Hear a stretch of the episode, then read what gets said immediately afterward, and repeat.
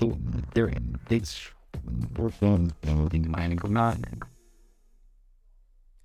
Dobrodošli v novem športnem podkastu, kjer se bomo pogovarjali o nadaljevanju sezone MotoGP, ki se vrača v Evropo. Začela se je sveta sezona v Evropi, na to nadaljevala v Južni Ameriki, v Severni Ameriki sedaj, Peter pa karavana prihaja v Jerez, kjer se glede na dogajanje na začetku pravzaprav vse začenja na novo. Je, točno tako. Uh, Če pogledamo točkovanje, dirkači so zelo skupaj. Um, po vsem, kar se je dogajalo, nas uh, sedaj čaka zelo, zelo zanimiva serija evropskih dirk.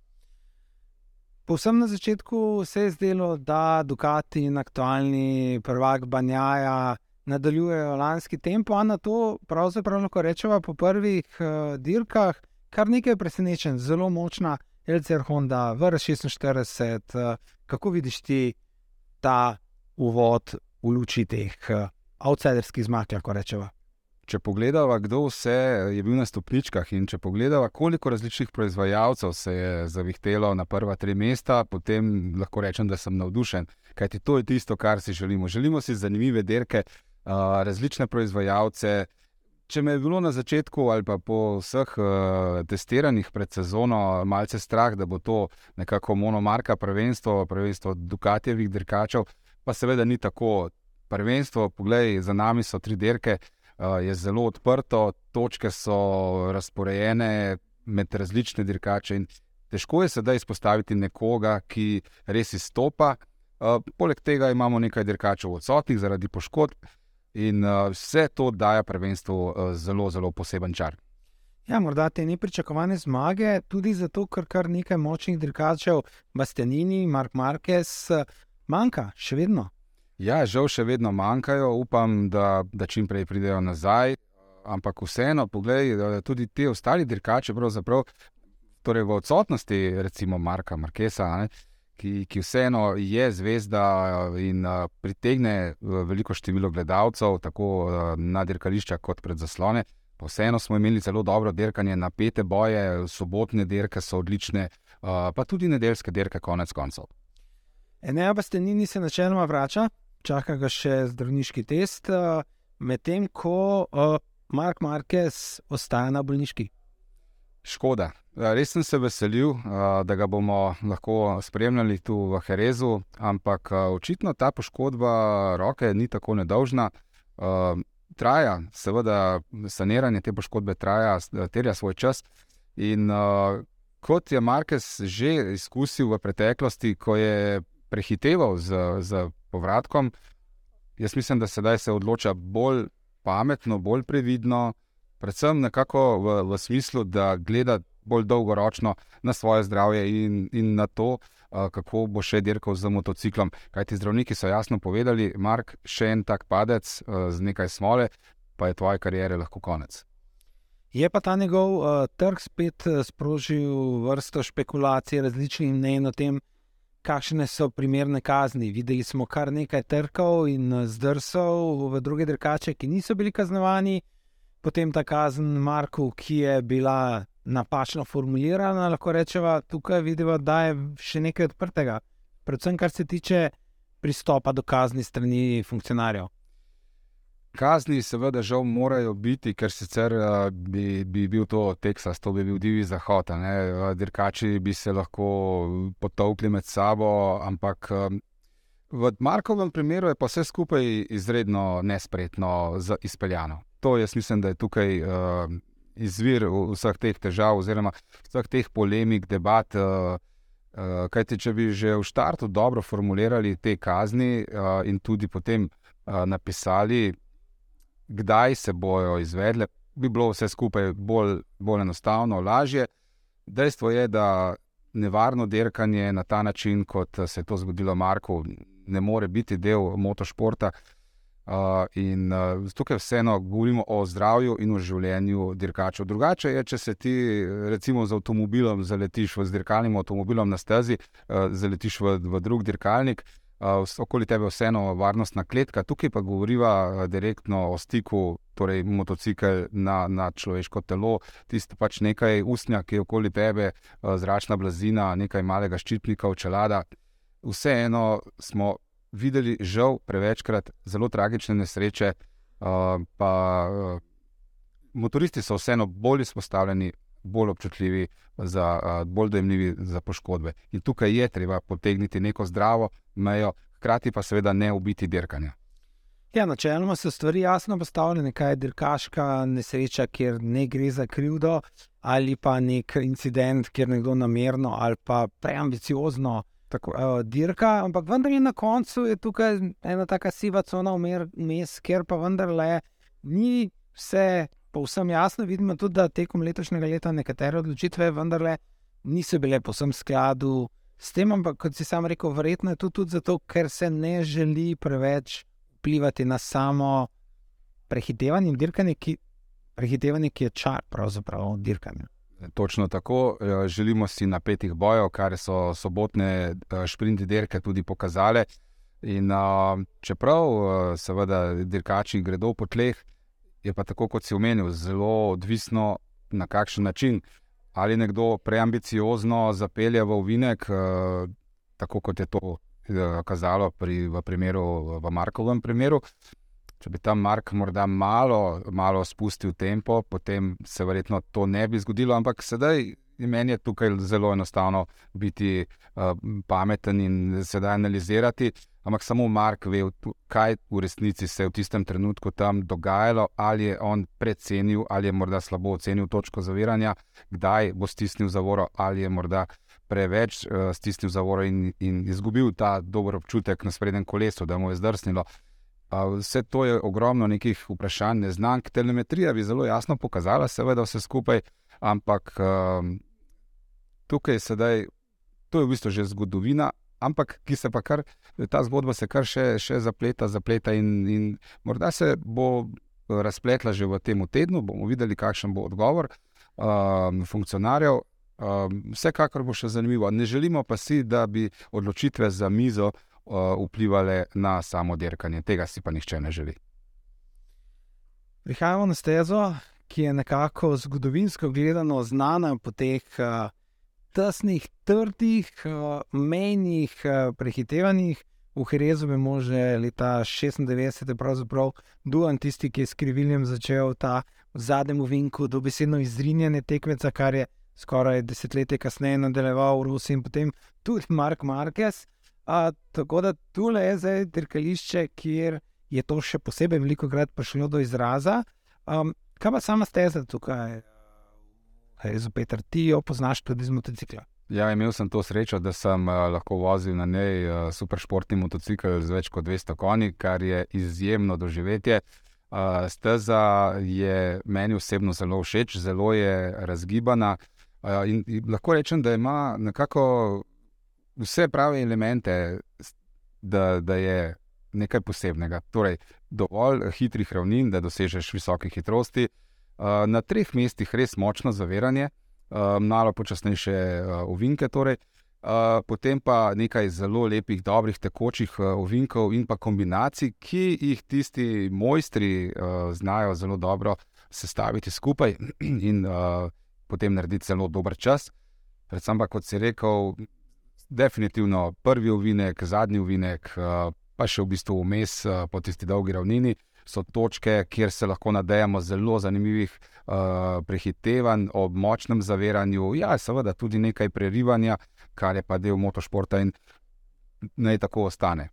Drugače pravi, da je res nekakšen trenutek resnice, da če je motocikl na tej stezi dober, če imaš tukaj dober čas, dober rezultat, da to pomeni, da si na večini stez v prvenstvu tudi v nadaljevanju konkurenčen. Verjetno prav zaradi te razgibanosti in raznolikosti. Točno tako, ker ima vse elemente, ki jih najdemo tudi na drugih stezah. Seveda, nekatere steze so, vem, so hitrejše, imajo daljše ravnine, druge so bolj vem, tekoče z več dolgimi.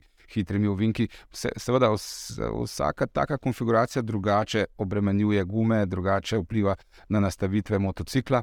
In uh, tukaj, tako kot si dejal, eh, če si tukaj dober, potem imaš dober paket in ga boš pravilno, dobro lahko razvijal naprej. Eh, zato bo zelo zanimivo. In za me osebno, jaz tukaj nimam očitnega favorita. mislim, da bo dejansko, šele sedaj bomo res videli, kaj so vsa ta testiranja pred sezono in sedaj te prve dirke prinesle v smislu razvoja motociklov, napredka. Poglej, videli smo na zadnji dirki Honda zmaga. Kdo bi si recimo mislil po vsem tem, kje so začeli, kako so začeli in to brez Marka. Ne? In to je LCR Honda. Tako je. Ja.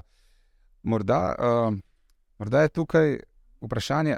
Mi tukaj, seveda, mi ne moramo vedeti, kaj so namestili na ta motocikl.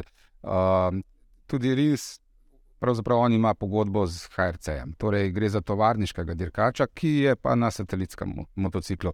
Ampak vseeno, uh, pri Hondi lahko, tukaj lahko menjajo uh, različne komponente, uh, si delijo tudi ideje, nastavitve.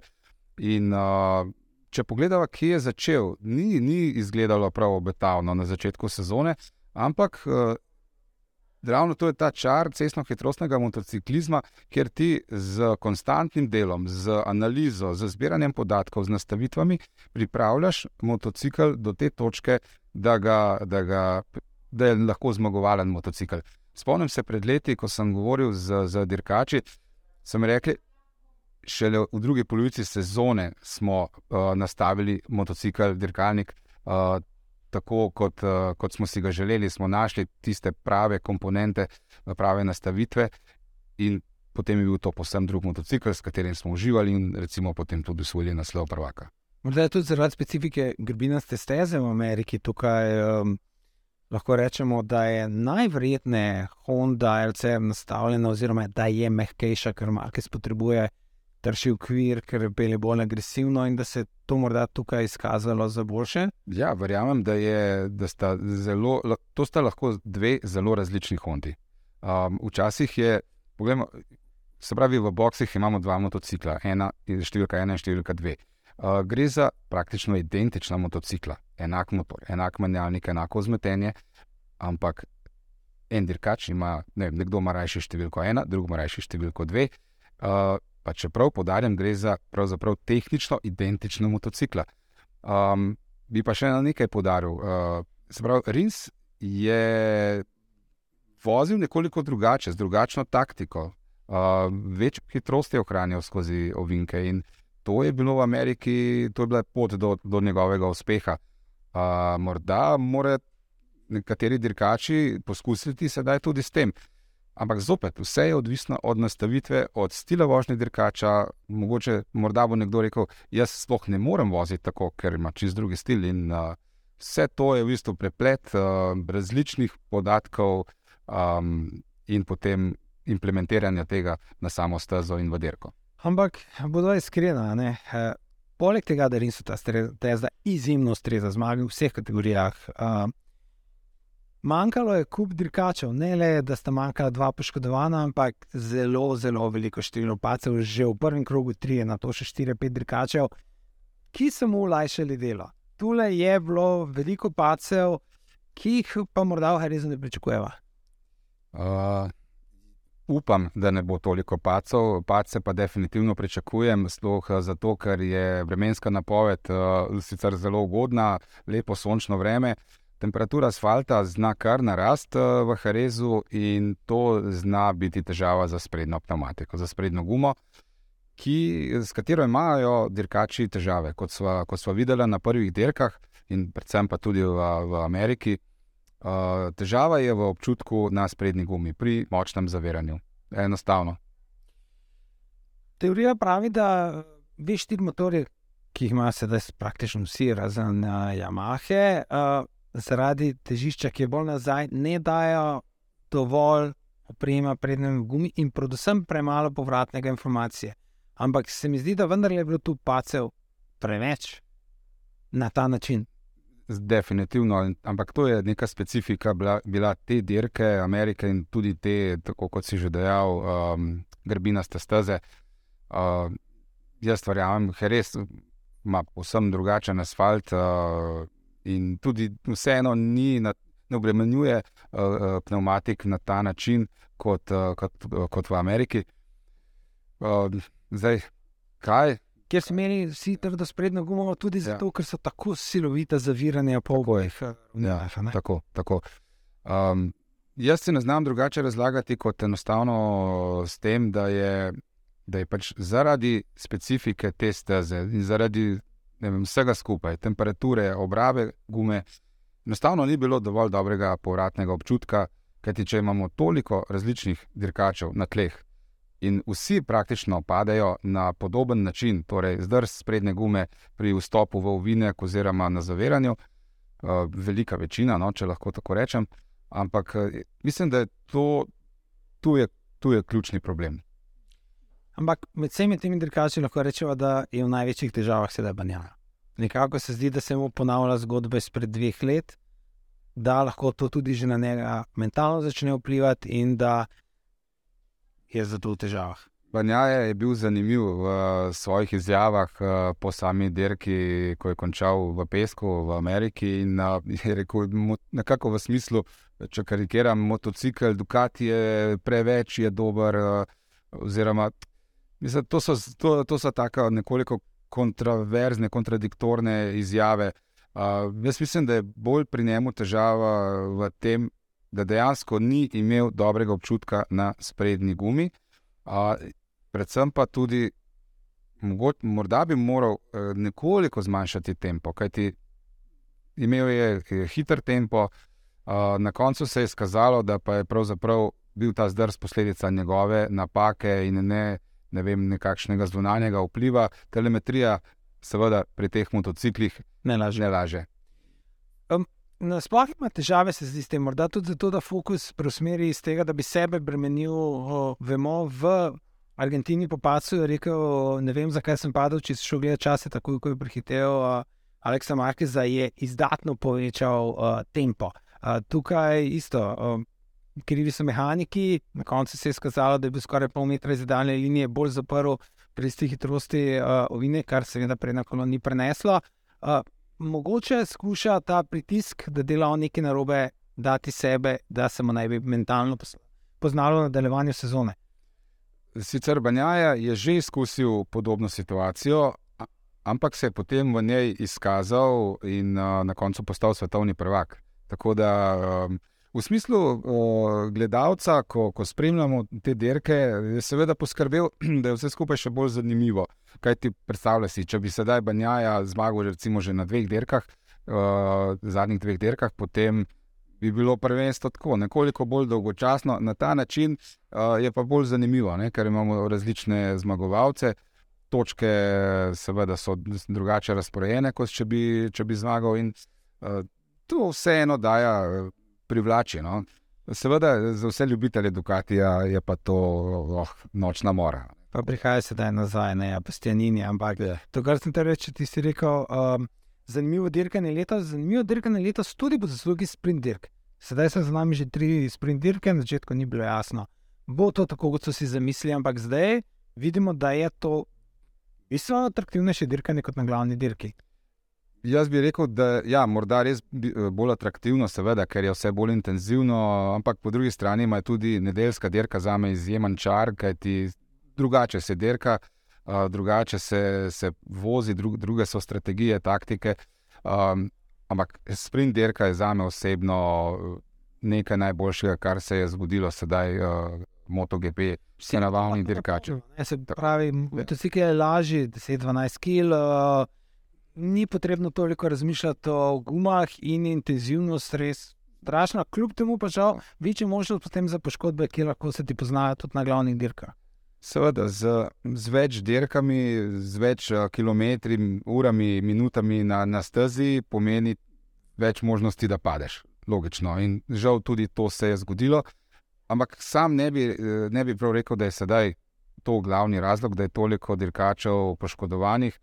Ker ti vsak padec in vsaka poškodba je zelo specifična. Uh, poglej, uh, težko tu sedaj prav potegnemo črto in rečemo, sprint dirke so pa krive, da, uh, da imamo sedaj manjše število dirkačev uh, na gridu. Um, za me so sprint dirke super in uh, ko me čakam, da, da v soboto uh, spremljam tole prvo dirko, sobotno dirko. V tem času, ko so minile tri dirke, ne moremo reči več tri dirke, pravzaprav tri prizorišča, Se pa je veliko dogajalo tudi na testiranjih v povezavi z MotoGP-jem. Zgodba Topraka, razgledljivega nekdanjega prvaka Superbajka, ki je testiral MotoGP motocikl, sedaj praktično že dobiva neki pilok. Zgleda, da ga ne bomo videli na dirkalniku uh, MotoGP, um, kaj, kaj ti. Ta, ta test je bil za njega zelo pomemben, prav tako pa je bil zelo pomemben za Yamaha. In uh, videli so, da če želijo, če želijo zmagovati, če želijo vrhunskega voznika, ki bo prinašal podiume in uh, točke, uh, to prak to v tem trenutku ni. Uh, druga bi bila zgodba, če bi imeli satelitsko ekipo, ker bi se to prak lahko razvijal, bi imel ta čas, ampak Yamaha v tem trenutku sedaj potrebuje drugega voznika, ki bo konkurenčen, ki bo hiter, ki zna voziti MotoGP dirkalnik. Po drugi strani pa vseeno življenje MotoGP dirkače in pa Superbike dirkače je zelo različno. Uh, v Superbikeu je vse skupaj bolj sproščeno, bolj uh, domače, družinsko, če, če smem temu tako reči. Um, in uh, drug, drug, drugače. No.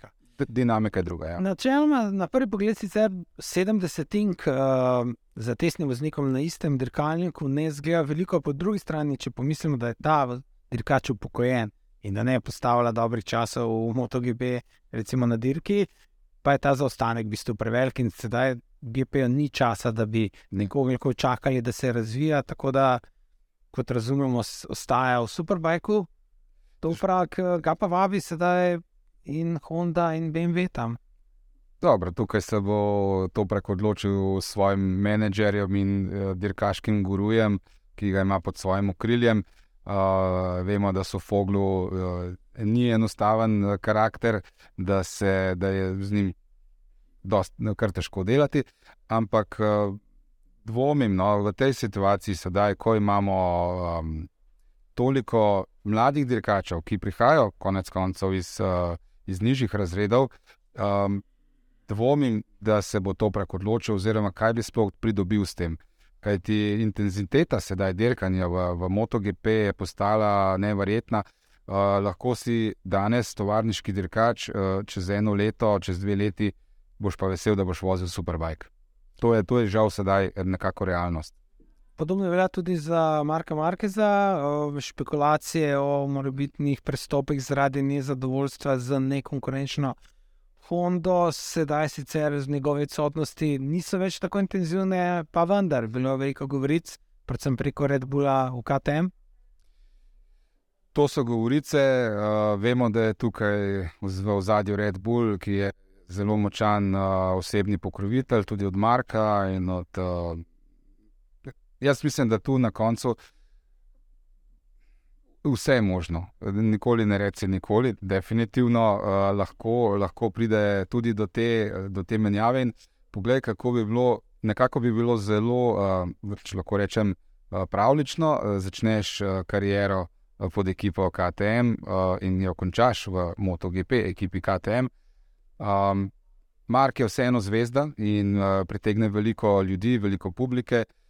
Vprašanje pa je, kakšen bo odnos sedaj po tej poškodbi s Hondo, ko bo prišel nazaj na motocikl. Ali se bo pokazalo, da je lahko konkurenčen, in če ne bo konkurenčen, se bojim, da je potem pa obstaja resna verjetnost, da se bodo začeli pogovori v to smer, da bi prestopil drugam. Dvomim, da k Dukatiju, kajti tam je sponzor druga energetska pijača, uh, konkurenčna in. Uh, mislim, da je potem KTM kar zanimiva opcija. Ampak Mark ima dva velike eh, problema, dve veliki težavi. Um, ena je to, da je dober in da se od njega pričakuje, da zmaguje. In če on na novem proizvajalcu ne bo zmagoval, je seveda načeloma lahko kriv, da se vidi na tem proizvajalcu, drugi pa seveda njegova plača preko 10 milijonov, ki se jih večina ne more privoščiti. No, ampak se, tako kot smo že načela to temo, tukaj s pomočjo uh, glavnega sponzorja se da marsikaj uh, urediti. Uh, spomnim se, pred leti sem bil ravno pri Pitu Bajrerju v, v KTM-u, njegovem pač, oddelku motošporta. In je, mi je, mi je povedal, koliko stane sezona v motokrosu, koliko v superkrosu, ki je bistveno dražja od recimo klasičnega motokrosa za svetovno prvenstvo, in pa potem v MotoGP. Primerjave so eksponentne. Uh, ampak in je dejal, brez Red Bulla mi tukaj ne bi mogli, KTM se ne bi mogel iti uh, dirk na tem nivoju, kot se gre sedaj. Kot rečeno, Marka na naslednjih dirkah v Karezu ne bo, vrača se, upamo, ne, a bastenini. Dirke bodo potem, kar smo videli v vodu, še kako zanimive. Spremljate dirke na kanalu A, na Vojo, nas pa še naprej tudi na 24.com in ostalih uh, platformah podcasta. Lepo zdrav. Lepo zdrav.